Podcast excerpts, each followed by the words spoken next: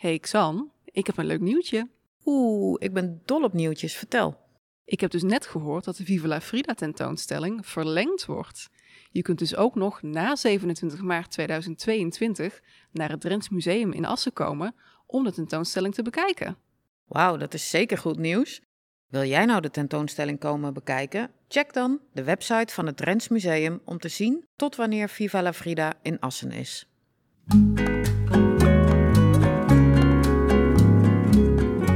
Je luistert naar Op Frida's Vleugels, een vierdelige podcastserie gemaakt door mijzelf, Eline Pollaert, en Xandra Koster in samenwerking met het Drents Museum in Assen. Mijn naam is Eline Pollaert. Ik ben historicus en ik doe onderzoek naar de geschiedenis van handicap. Daarnaast ben ik activist en liefhebber van het werk van Frida Kahlo. En ik ben Xandra Koster, beleidsmedewerker bij Iedereen, de landelijke belangenbehartigersorganisatie voor chronisch zieken en gehandicapten. Daarnaast schrijf ik over de discriminatie van mensen met een beperking. Ben ik activist en heb ik me verdiept in het werk en leven van Frida Kahlo vanuit mijn liefde voor haar werk. In deze podcast onderzoeken wij wat Frida Kahlo voor onszelf en voor andere gehandicapte mensen betekent. Vanuit het hart van de Viva la Frida tentoonstelling in het Drents Museum in Assen gaan we in gesprek met bijzondere gasten. Samen bespreken we Frida's werk en leven aan de hand van tentoonstellingsobjecten, vanuit het perspectief van onze eigen handicaps. Deze podcastserie is gemaakt in het kader van de tentoonstelling Viva la Frida, te zien in het Drents Museum in Assen tot en met 27 maart 2022. Hou de website in de gaten voor een eventuele verlenging van de tentoonstelling in verband met corona. In deze aflevering gaan Eline en ik in gesprek met Mira Thompson, zangeres en activiste. Haar muziekkeuzes zijn vaak verhalend en poëtisch en hebben soms ook een heldere visuele component. Zij is geïnteresseerd in het effect van geluid op de luisteraar en gebruikt bijvoorbeeld de geluiden van haar eigen rolstoel voor haar zelfgeschreven muziek. Mira's muziek karakteriseert zich door een sterk gevoel voor taal en reflecteert de tijd. We spreken met Mira aan de hand van een van de foto's die tentoongesteld worden in Viva la Frida over het thema vriendschap en relaties. Op de website van het Drents Museum vind je informatie over Op Frida's Vleugels. Daar kun je ook de schilderijen en objecten zien die we bespreken in deze podcast. Mira, jij bent niet ter plekke bij ons. Jij doet het eh, via een laptopscherm mee. Vertel eens, waar ben jij nu en kun je een beetje omschrijven hoe je eruit ziet voor de luisteraars? Zeker. Nou, ik ben uh, ver weg van jullie. uh, dus ik ben in Frankrijk, geografisch gezien, erg ver weg. Eigenlijk ben ik hier aan het isoleren. Dus uh, COVID is een beetje een dreigende situatie voor mij. Dus ik zit hier op het platteland. Heel luxe dat het kan. En ik zit in de keuken van vrienden van mijn ouders. Die hebben net hun keuken verbouwd. Dus ik mocht dat heel mooi inluiden met een podcastopname. Dat is heel fijn. Um, en ik zie eruit, ja. Ja, ik zit uh, aan een houten tafel in de keuken van die vrienden dus. Ik heb zelf een zwarte jurk aan met een, hoe zeg je dat? Geborduurd figuur erop. wat een vriendin voor mij gemaakt heeft en ik ben het zelf. ik ben een witte vrouw met blond haar. En, ik heb een lange vlecht in. En een bruin vest en een bril met een goudmontuur. Toen we je net uh, voorstelden, uh, Mira, vertelden we dat de muziek die je maakt de tijd reflecteert. Herken jij je daarin in Frida Kahlo, dat jullie kunst de tijd reflecteert? Ja, nou, ik, vond dat dus wel, ik vind dat een mooie vraag, want in haar werk komt zoveel samen. Dus het persoonlijke en het politieke. En telkens politieke verwijzingen. Denk aan de hamer en sikkel die overal opduikt. Um, maar het is ook vooral natuurlijk heel persoonlijk. En die, die overlap, die herken ik zeker. En dat het ook allebei heel belangrijk is. Dus zeker, ja. Oké. Okay. En um, wat heb jij verder, of heb jij überhaupt iets met Frida Kahlo?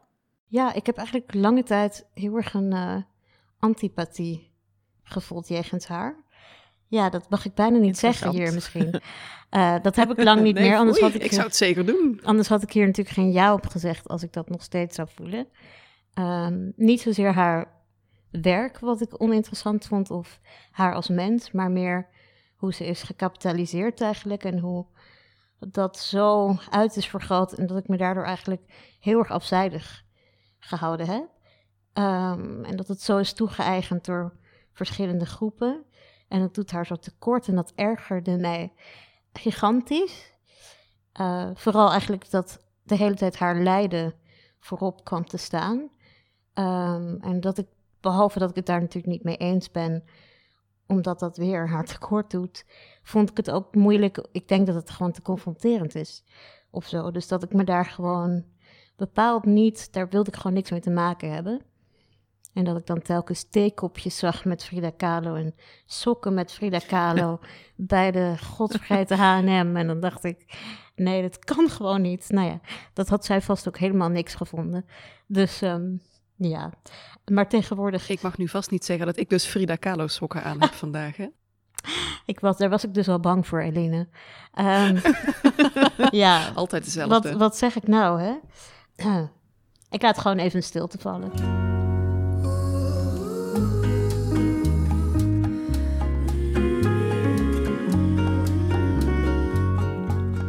Op Frida's Vleugels, deze podcastserie, hebben we in elke aflevering iemand gast.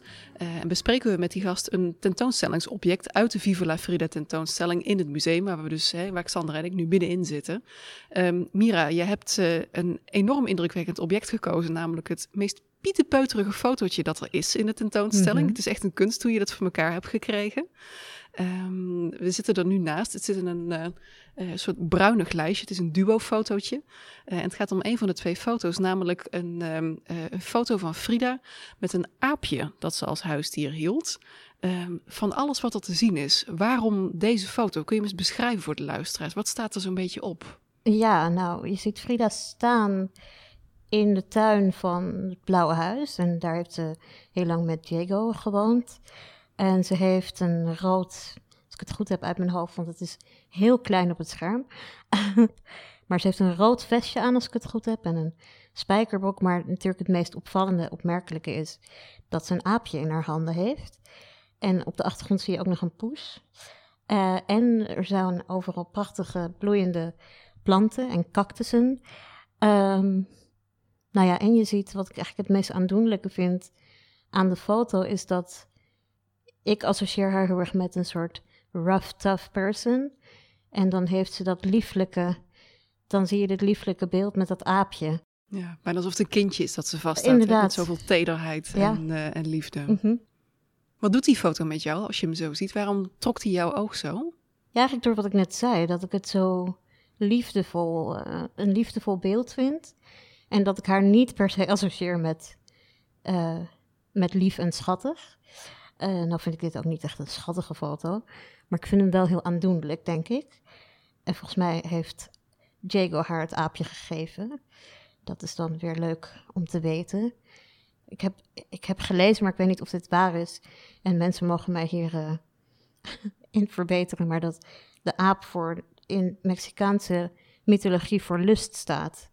En dat vond ik eigenlijk wel mooie, mooi om te zeggen, want dat is natuurlijk dat past heel erg dan bij als, als gift van Jago, dat aapje.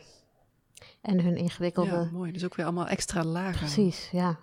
Ja, mooi. Maar tegelijkertijd uh, dat het natuurlijk ook wel moeilijk is dat mensen alsmaar dingen projecteren op dieren. En dat ik dat nu natuurlijk ook aan het doen ben. Maar goed, dat is nou eenmaal wat we nu aan het doen zijn. Hoe bedoel je dat? Nou, ik denk dat mensen de, liefde voor dieren, dat dat zoveel meer betekent dan de liefde voor daadwerkelijk dat dier. Uh, en als ik nou bijvoorbeeld zeg, wat is dat aandoenlijk? Dat zegt natuurlijk ook iets over hoe ik, zowel hoe ik naar Frida kijk, maar ook hoe ik naar aapjes kijk. Terwijl aapjes, vooral zo'n aap, die hoort natuurlijk gewoon in de natuur te zijn. En dat is een, een beest wat helemaal niet uh, in een huis hoort te zijn. Um, en eigenlijk ook volgens mij, als dat lang zo is, worden die beesten hartstikke agressief. Dus ik, ik zeg nou wel wat een schattig beest, maar het is natuurlijk ook een heel gewelddadig beest, denk ik. ja. Er is best wel tegenstrijdigheid dus in die foto. Mm En in deze aflevering gaan we het specifiek hebben over het thema vriendschap en ook over relaties. Ehm, het lag voor mij niet per se voor de hand om een foto met een dier te kiezen bij dat thema. Waarom heb jij dat wel gedaan? Ja, ik vond het juist wel apart, vooral in deze tijd. Omdat ik zelf uh, dus, en veel mensen die ik ken, tot de hoogrisicogroep behoren voor COVID. Dat mijn enige compagnon eigenlijk in deze tijd uh, mijn kat was. En zoals ik net zei, ik was er zelf ook natuurlijk van allerlei liefdevolle gevoelens op aan het projecteren. Nou is het ook een heel lief beest. Maar ik vond het gewoon een interessant gegeven, omdat ik denk voor mensen met een handicap het zo'n andere uh, ja, betekenis krijgt. Eigenlijk dat het ook bijzonder is dat je voor iets kan zorgen, terwijl je soms niet goed voor jezelf kan zorgen. En ik dacht ook aan, het, aan de term gezelschapdier. Dat bestaat niets voor niets natuurlijk. Als je alleen bent, kan zo'n zo'n ander wezen je eigenlijk soms beter bijstaan dan medemensen. En ik vond het ook fijn dat ik, bijvoorbeeld, dat is dan mijn eigen ervaring, dat ik zo fijn kon communiceren met die kat. Want die, was zo, die had zo'n andere manier van uh, liefde uiten, maar ook soms gewoon heel grappig door het huis rennen.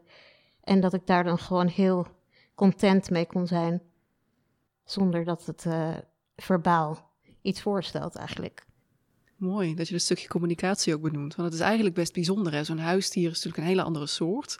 Uh, maar je bent wel dag in dag uit, zeker in jouw geval, als je in een lockdown, in, zelf, in, in zelfisolatie, in quarantaine bent. Uh, je doet het dag in dag uit, moet je het met elkaar doen. En dat levert een hele bijzondere, unieke dynamiek op. Dus uh, dat is een mooie toelichting, vind ik.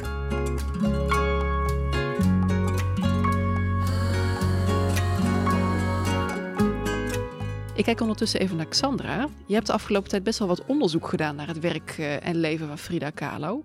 Um, als het gaat in Frida's leven over vriendschappen en relaties, wat kun je daar dan een beetje over vertellen? Ja, best wel. Uh, daar is best wel wat over bekend. Um, Frida heeft in haar leven heel veel vriendschappen en relaties. Ze trouwt op jonge leeftijd met Diego Rivera. En op dat moment is hij een wereldberoemde muralist, dus muurschilder. En hij is ruim twee keer zo oud als zij. En hun relatie is heftig. Diego houdt er veel minnaressen op na. En daar is hij niet subtiel over, zeg maar. Dat, uh, dat weet iedereen. En daarnaast is hij zelf dan weer stik jaloers. Maar dat weerhoudt Frida er gelukkig niet van om relaties te beginnen met verschillende mensen, zoals de Russische communist Trotsky. Hongaars-Amerikaanse fotograaf Nicholas Murray. Uh, die zou je kunnen kennen van uh, de vele kleurenfoto's die bekend zijn van Frida. Waaronder die ook uh, die gebruikt is voor deze tentoonstelling. En daarnaast had ze ook een relatie bijvoorbeeld met de Japans-Amerikaanse kunstenaar Isamu Noguchi. En met zangeres Chabela Vargas. En Frida is heel trouw in haar vriendschappen, valt mij op. Minnaars en minnaressen blijven tot haar dood vaak met haar bevriend, ook nadat die relatie al heel lang verbroken is. En ook Diego, met wie ze een zeer bewogen relatie had, bleef tot het einde haar levenspartner, zelfs nadat hij vreemd was gegaan met haar zusje Christina. En Christina op haar beurt, die blijft dan weer Frida's belangrijkste steun en toeverlaat. Vrienden van de middelbare school blijven belangrijk gedurende haar hele leven. Zij onderhoudt vriendschappen uh, bijvoorbeeld door het schrijven van brieven. En in de brieven die ze schrijft met haar familie en vrienden is altijd heel uitgesproken over haar liefde voor hen. In de periodes dat Frida in het ziekenhuis ligt uh, gedurende haar leven, krijgt ze altijd veel bezoek. En soms is dat een dolle boel met veel te veel bezoekers, te veel drank en meer seks dan je zou verwachten misschien in het ziekenhuis. Diego en Frida houden in hun huis heel veel feesten. Er wonen vaak ook wel vrienden of familieleden tijdelijk bij hen in. Maar er wonen dus wat Mira ook al zei net, uh, niet alleen mensen in een huis, maar ook diverse dieren. Mexicaanse naakthonden, kippen, papegaaien, een hertje, ara's, een adelaar die de naam Gertrude Cacablanca heeft. Dat is uh, Gertrude Witpoep. Kan er ook niks aan doen, ik heb het niet bedacht. En de aapjes uh, Fulang Chang en Caimito de Guyabal. Een hele beestenboel. Een dus, hele beestenboel, Als ik ja. hem zo samenvat. dan is het bij jou in huis, uh, Mira, met één kat nog best overzichtelijk. En um, je had het over uh, de communicatie die je hebt met jouw kat bijvoorbeeld. Uh, dat je om elkaar kunt lachen, maar dat je ook troost bij elkaar vindt. Um, is dat, je hebt natuurlijk, ik weet toevallig dat jij jouw kat al wat langer hebt dan vandaag. Is die relatie nou ook veranderd in de tijd dat je in zelfquarantaine bent sinds het begin van de coronapandemie? Nou, ik ben het zeker extra gaan waarderen. Dat absoluut. Uh, nou, verder had ik al een hele warme relatie. Ik heb deze kat toevallig in huis genomen toen, ik zelf, toen het met mijn gezondheid niet zo goed ging. En uh, toen is hij heel veel bij me komen liggen in bed. En dat was zo fijn. En meteen natuurlijk dat we daardoor een, eh, een hele ja, liefdevolle lichamelijke band konden opbouwen. En dat is uh, zeker. En ik denk dat dat voor Frida ook wel geldt. Eigenlijk dat zij veel natuurlijk ook op bed heeft gelegen. En dat die dieren er dan gewoon zijn. Geeft dus ook echt heel veel troost. Dat snap ik. Wij hebben alle drie huisdieren en uh, voor mij zitten we alle drie hevig te knikken. Dat zie je natuurlijk niet op de opname, maar er wordt hier stevig geknikt uh, over en weer. Hey, en gesproken over die pandemie en die isolatie. Um, de kat kon natuurlijk wel dag in dag uit bij je zijn. Zeker. Uh, maar niet altijd alle mensen die je graag om je heen wilde hebben. Hoe onderhoud je vriendschappen in een pandemie? en hoe onderhoud je vriendschappen überhaupt als je gehandicapt bent? Kun je daar iets over zeggen vanuit jouw ervaring? ik ben sowieso een trouwe vriend, net als Frida, denk ik. Dat ik veel uh, doe aan andere vormen van communicatie dan misschien elkaar in het echte, in levende lijven zien.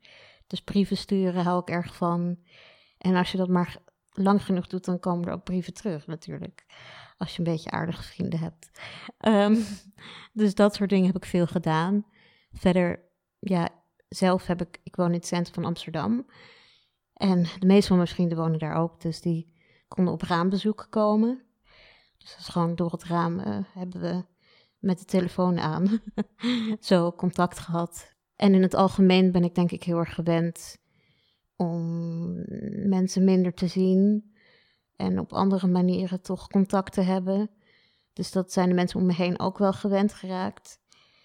Ja, het is voor mij wel echt een van de belangrijkste denk ik, behalve het werk, echt een van de belangrijkste elementen in mijn leven.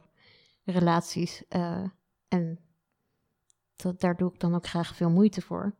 Ja, je bent er ook heel creatief mee als ik dat zo hè. Op raambezoek, geen kraambezoek, maar op raambezoek. Uh, brieven schrijven, dat zouden sommige mensen zeggen, oh, dat is echt iets van de vorige eeuw. Wie doet dat nou nog? Um, dus je bent er ook heel creatief mee. En dat lijkt me ook een hele nieuwe vorm bijna van intimiteit geven met vrienden. Je gaat niet elke vrijdag bijvoorbeeld naar je stamkroeg, uh, want je hebt gewoon andere mogelijkheden dan dat. Um, geeft het ook een soort andere dimensie aan je vriendschappen en de contacten die je opbouwt? Ja, ik denk dat, dat het sowieso dat de mensen overblijven die graag tijd met je doorbrengen of die graag willen horen wat er in je hoofd afspeelt. Als je een brief schrijft, dan gaat het daar natuurlijk wel eens over over waar je mee bezig bent of uh, wat voor een mooi boekje aan het lezen bent. Dat, dat zorgt natuurlijk vanzelf voor een bepaald soort, ja, al die details die maken toch intimiteit makkelijker, denk ik. Iets wat net mijn aandacht pakte toen je het zei van, uh, hè, niet iedereen die blijft plakken. Als je gehandicapt mhm. bent of ziek wordt, misschien wat later in je leven. Is een vriendschap met een gehandicapt persoon voor iedereen? Ik denk het wel. Alleen uh, dat is natuurlijk, dat ligt meer aan de ander dan aan, aan mij. Daar moet iemand anders, uh, misschien, ik zou niet willen zeggen meer moeite doen, maar even anders nadenken. En dat is natuurlijk soms wel eens lastig in deze tijd. Dat, uh, dat ik veel om me heen zie gebeuren dat mensen toch samenkomen. En uh, ja, dat is wel eens uh, vervelend. Maar goed, meer dan vervelend. Daar maak ik me natuurlijk wel eens heel boos. Daar ben ik wel eens kwaad over. Hmm. En, maar goed, wat, wat doe je eraan? Ik bedoel, ja, ik dwaal een beetje af, geloof ik. Nee, maar ik vind het wel een belangrijk punt wat je aanstipt. Ook het stukje solidariteit met gehandicapte mensen, zeker midden in een pandemie, is uh, een relevant onderwerp. Ja, nou, ik heb één. Ik wilde alleen maar zeggen dat ik één vriendin heb die in de eerste, ik denk het eerste jaar, die uh, is elke week langsgekomen bij het raam. En dat is gewoon zo bijzonder voor mij geweest. Dat ze, ondanks weet je wel, het vroor, maar ze kwam.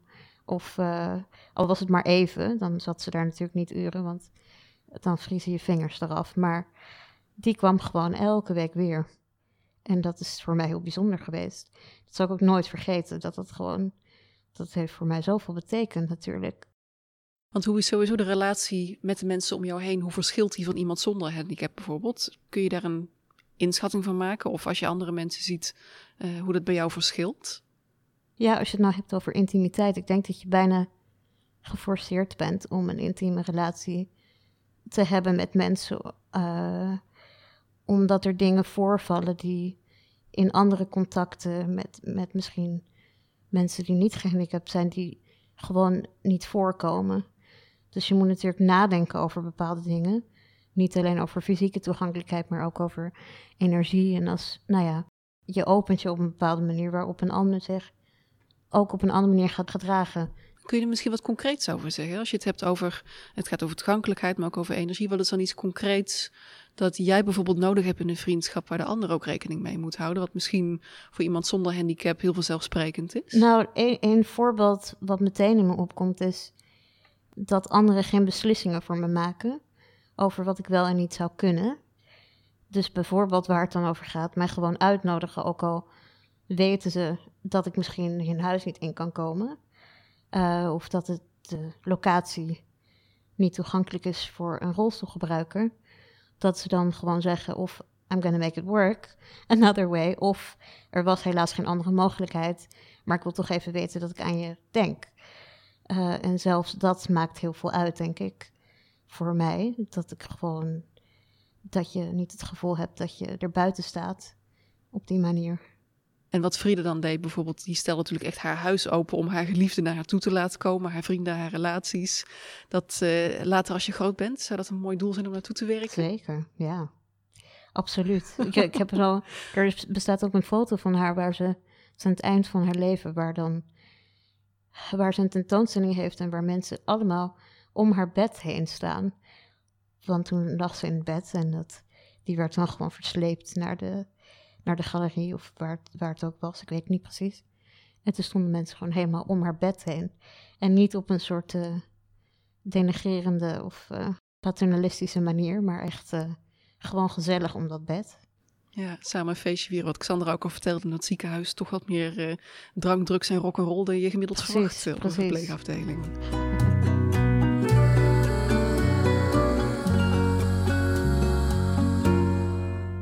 Als het gaat over vriendschappen en relaties. Um, hè, er zit natuurlijk ook een element bij van hoe aantrekkelijk vind je iemand. Uh, en Frida die had verschillende handicaps, die had meerdere handicaps, maar ze paste ook best wel behoorlijk in dat schoonheidsideaal. Ook van die tijd, ook nog in de huidige tijd. Xandra en ik zaten net naar een andere foto te kijken dat we zeiden, poeh, met die korte haren en zo'n stoer jasje. Hmm. Nou, nou, dat valt niet tegen. hoe, hoe kijk jij ernaar? Dat, dat Frida wel die, met die handicaps leefde inderdaad, uh, maar ook in dat schoonheidsideaal zat. Hoe denk je hè, dat het voor haar relaties en vriendschappen werkt? En wat herken jij daarvan? Of juist niet misschien in jouw eigen leven? Ja, dat vind ik wel een leuke vraag, omdat ik eigenlijk meteen denk dat zij zich ook daar heel erg tegen verzetten natuurlijk. Uh, wat voor schoonheidsideaal dan ook. Ze was natuurlijk een heel excentrieke, flamboyante verschijning en toch opvallende kleding. Weet je wel, een mix van traditionele kleding met meer moderne kleding. En ze speelde heel erg met de traditionele genderrollen. En in die zin verzetten ze zich eigenlijk vooral tegen elke vorm van schoonheidsidealen. Dat betekent natuurlijk niet dat anderen haar uh, niet zo ervaren. Ze was gewoon natuurlijk hot, laten we eerlijk zijn. Kan ik me er wel bij aansluiten. Toch? Ja, nou ja, dat is natuurlijk voor iedereen heel anders. Ik vind haar ook aantrekkelijk, maar dat, ja, is denk ik ook heel erg wat er van haar gemaakt is natuurlijk. Een bepaald soort schoonheidsicoon. Omdat ze zo afweek van de norm misschien. En wat je zegt klopt natuurlijk ook dat ze op, in bepaalde zin ook heel erg uh, erin paste, het schoonheidsideaal. Dus ze verzetten zich enerzijds en anderzijds paste ze er ook in omdat ze niet... Ik denk dat als je haar gewoon zou zien staan, dat je niet zou denken dus ze werd, ze werd niet gelezen als iemand die een handicap had, uh, of meerdere handicaps. Dus op die manier uh, kon ze daar natuurlijk ook een beetje omheen dansen. Uh, dat is een beetje een grappige uitdrukking in, deze context. Want misschien ging dat een beetje moeilijk. Maar ehm, figuurlijk. Ik, ik ken een verhaal dat ze gewoon eh, op een gegeven moment een soort truth or dare spelletje deed. En dat ze moest vertellen hoe oud ze was. En toen zei ze van, nou, dat ga ik niet doen. En toen was de uitdaging die ze dan kreeg, was dat ze, uh, nou ja, moest dansen. Of eigenlijk moest, uh, seks moest hebben met een stoel. En dat ging haar goed af, heb ik me laten vertellen. Dus ik denk dat dat dansen ook wel oh, ging. kijk, dat is leuk om te horen. Nou, dan is het nog minder, ja. nog minder te zien. Dus in die zin is het ook heel ambivalent. En kan je er natuurlijk ook eigenlijk, ja, ik kan haar niet per se in een soort malletje duwen. Dat is nou juist het mooie aan haar. Ja, zelfs al die jaren na haar dood, al meer dan een halve eeuw geleden, ja, is in zekere zin voor heel veel mensen nog steeds een inspiratie. Hè. Ze is natuurlijk niet voor niks opgepikt als feministisch icoon. En daarmee misschien af en toe ook best wel een beetje platgeslagen. Wat je in het begin vertelde, Mira. Die soort van aversie van, oh god, ze staat echt op elk theekopje, op elke sok die ik om me heen zie, is wel een Frida te vinden, mijn hemel. Um, maar dat betekent dus dat ze wel iets doet met mensen. Nou, wat ik grappig vind is dat ze ook. Het is zo'n herkenbaar figuur geworden dat je ziet nu ook heel veel gewoon die, die, uh, die unibrow en haar haar. En de rest is weg. En zelfs op die manier wordt ze herkend. Dat vind zo'n. Dat, dan heb je het heel ver geschopt in een soort commercialisering van uh, een personage bijna dat vond ik eigenlijk wel. Ja, dan ben je een merk. Ben je een merk, inderdaad. Eigenlijk. Ja.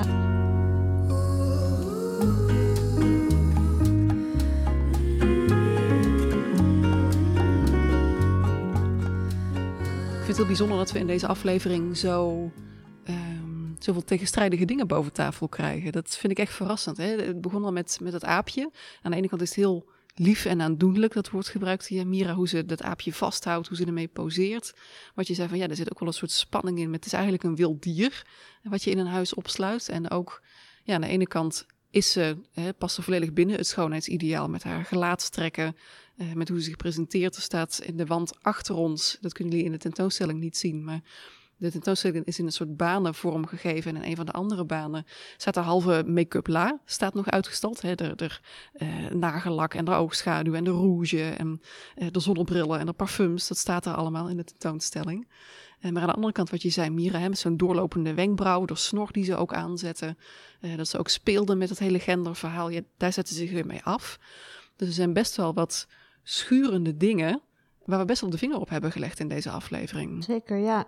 Maar ik denk dat dat ook juist het belangrijke is aan als er nu over haar gesproken wordt, dat ze juist niet meer in één hoek geduwd wordt. Want dat is nou juist waar ik zelf zo moeite mee had en heb. Dat ze inderdaad plat, ja, wat je zegt, dat klopt.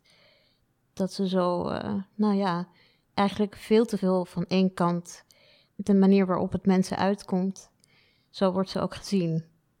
Dus of als feministische icoon, of als iemand die politiek geëngageerd was en daarmee bezig was, of als iemand met een handicap die zich verzette tegen alle, of als leidende figuur, nou ga zo maar even door. Of als misschien zelfs wel mode-icoon. Je ziet ook mensen die zich veel als haar verkleden natuurlijk. Elke Halloween is wel... Uh, zijn er veel mensen die zich als haar verkleden. Is er wel één Frida? Ja, precies. Meer dan één, denk ik. Ja. ja.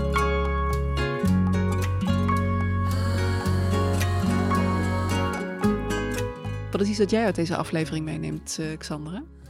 Onze podcast heet Op Frida's Vleugels, uh, omdat ze eigenlijk zei van, ja, uh, als mijn voeten het niet meer doen, dan ga ik wel vliegen.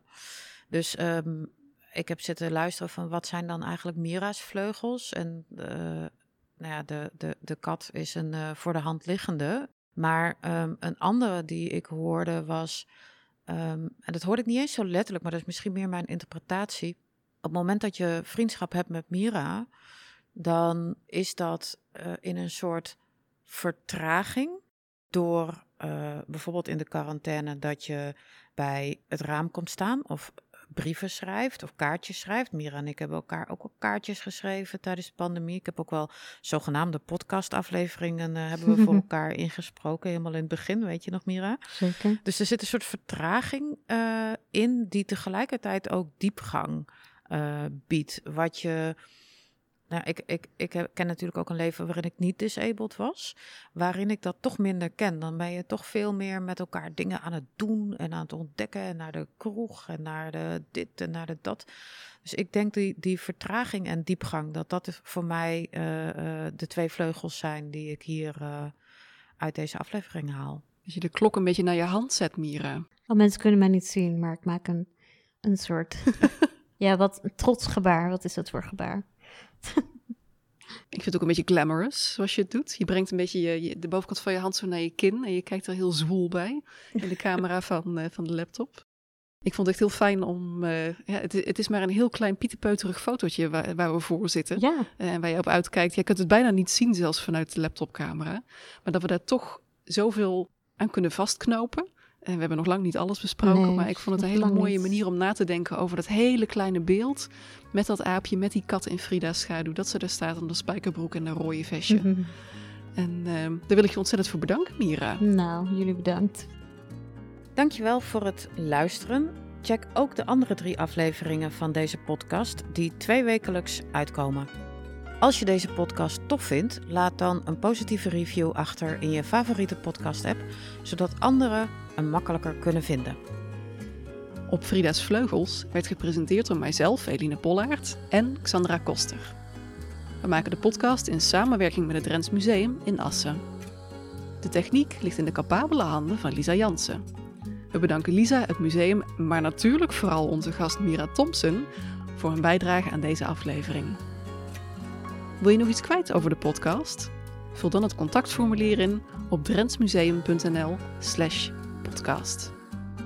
Als je nog niet geweest bent, kom dan vooral langs in het Drents Museum om zelf te kijken naar Viva la Frida. En kom natuurlijk gerust nog een keertje als je de onze podcast met een nieuw perspectief naar het werk van Frida Kahlo wil kijken. Dat kan nog tot en met 27 maart 2022. Hou de website in de gaten voor een eventuele verlenging van de tentoonstelling in verband met corona.